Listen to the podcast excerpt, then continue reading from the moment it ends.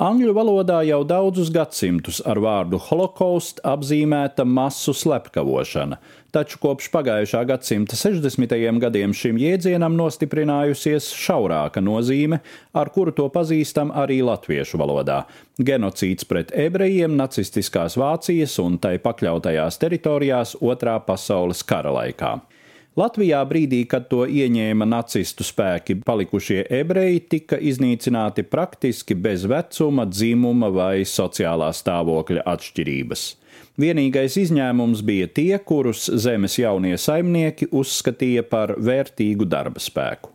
Pārējie, ar nedaudziem nejaušiem izņēmumiem, gāja bojā nesaudzīgā dažu mēnešu iznīcināšanas procesā, kas kulminēja ar slaktiņu rumbulas mežā, 1941. gada 30. novembrī un 8.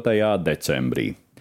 Līdz 1941. gada rudenim jau bija noslepkavoti praktiski visi ebreji Latvijas laukos un mazpilsētās - apmēram 30 tūkstoši cilvēku. Atlikušie koncentrēti nedaudzos geto, no kuriem lielākais atradās Rīgā, Maskavas Forštatē. Šķiet, kādu laiku Vācijas vadībā notika zināma birokrātiska stīvēšanās. Austrumzemes reichs komisāram Heinricham Lozem šķita pareizāk izmantot ebrejus vergu darbam, kamēr SS vadonis Heinrichs Himmlers uzstāja uz viņu tūlītēju iznīcināšanu. Likumsakarīgi Himmlera viedoklim izrādījās lielāks svars.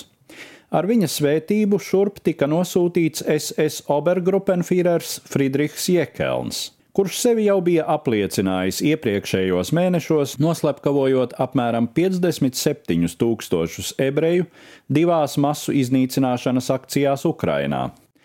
Viņš bija izstrādājis savu nogalināšanas tehnoloģiju, kas šokēja pat dažus viņa šāvēju komandas locekļus. Upuriem pašiem bija jānokāpj masu kapā, jānogulstas un tad jāsagaida sava lode pakausī. Nākamajai nošaujamo grupai vajadzēja gulties virsū saviem nulle noslepkavotajiem, vēl asiņojošajiem un dažkārt arī vēl elpojošajiem likteņa biedriem. Pats tehnoloģijas autors šo bija nosaucis par sardīņu buņģas metodi. Pirms 30. novembra akcijas no citiem tika nošķirti apmēram 4,5 tūkstošu ebreju vīriešu spēka gados.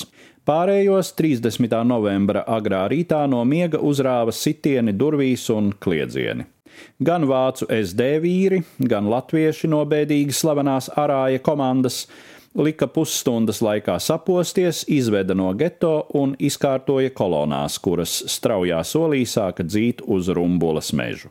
Upuriem tika teikts, ka viņus pārvieto uz citu nometni, taču daudzi varēja nojaust savu patieso likteni no tā, ka ikvienu, kurš netika līdzi, apsargi uz vietas nošāva.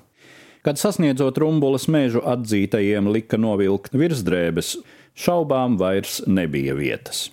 Šāvēji pie bedrēm bija Ukrainas slaktiņos roku iesitušie jekelna vīri, skaitā kādi 12. Kā domā okupācijas muzeja pētnieks Uldis Neiburgs, diezin vai tie visu laiku bija vieni un tie paši, ievērojot, ka tad katram no viņiem dažu stundu laikā būtu jānošauj apmēram tūkstotis cilvēku.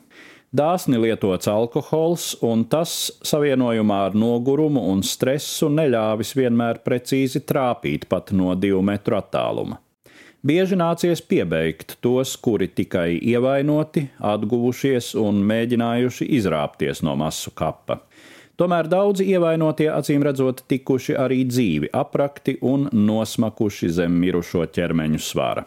Pēc akcijas 30. novembrī, kad tika nogalināti apmēram 12,000 Rīgas geto ieslodzīto, kā arī nepilns tūkstotis nu pat no Berlīnes atvestu ebreju, iestājās nedēļu ilgs pārtraukums līdz nākamajai baisās pļaujas dienai 8. decembrī, kad šādā pat veidā dzīvību zaudēja vēl 12 tūkstoši.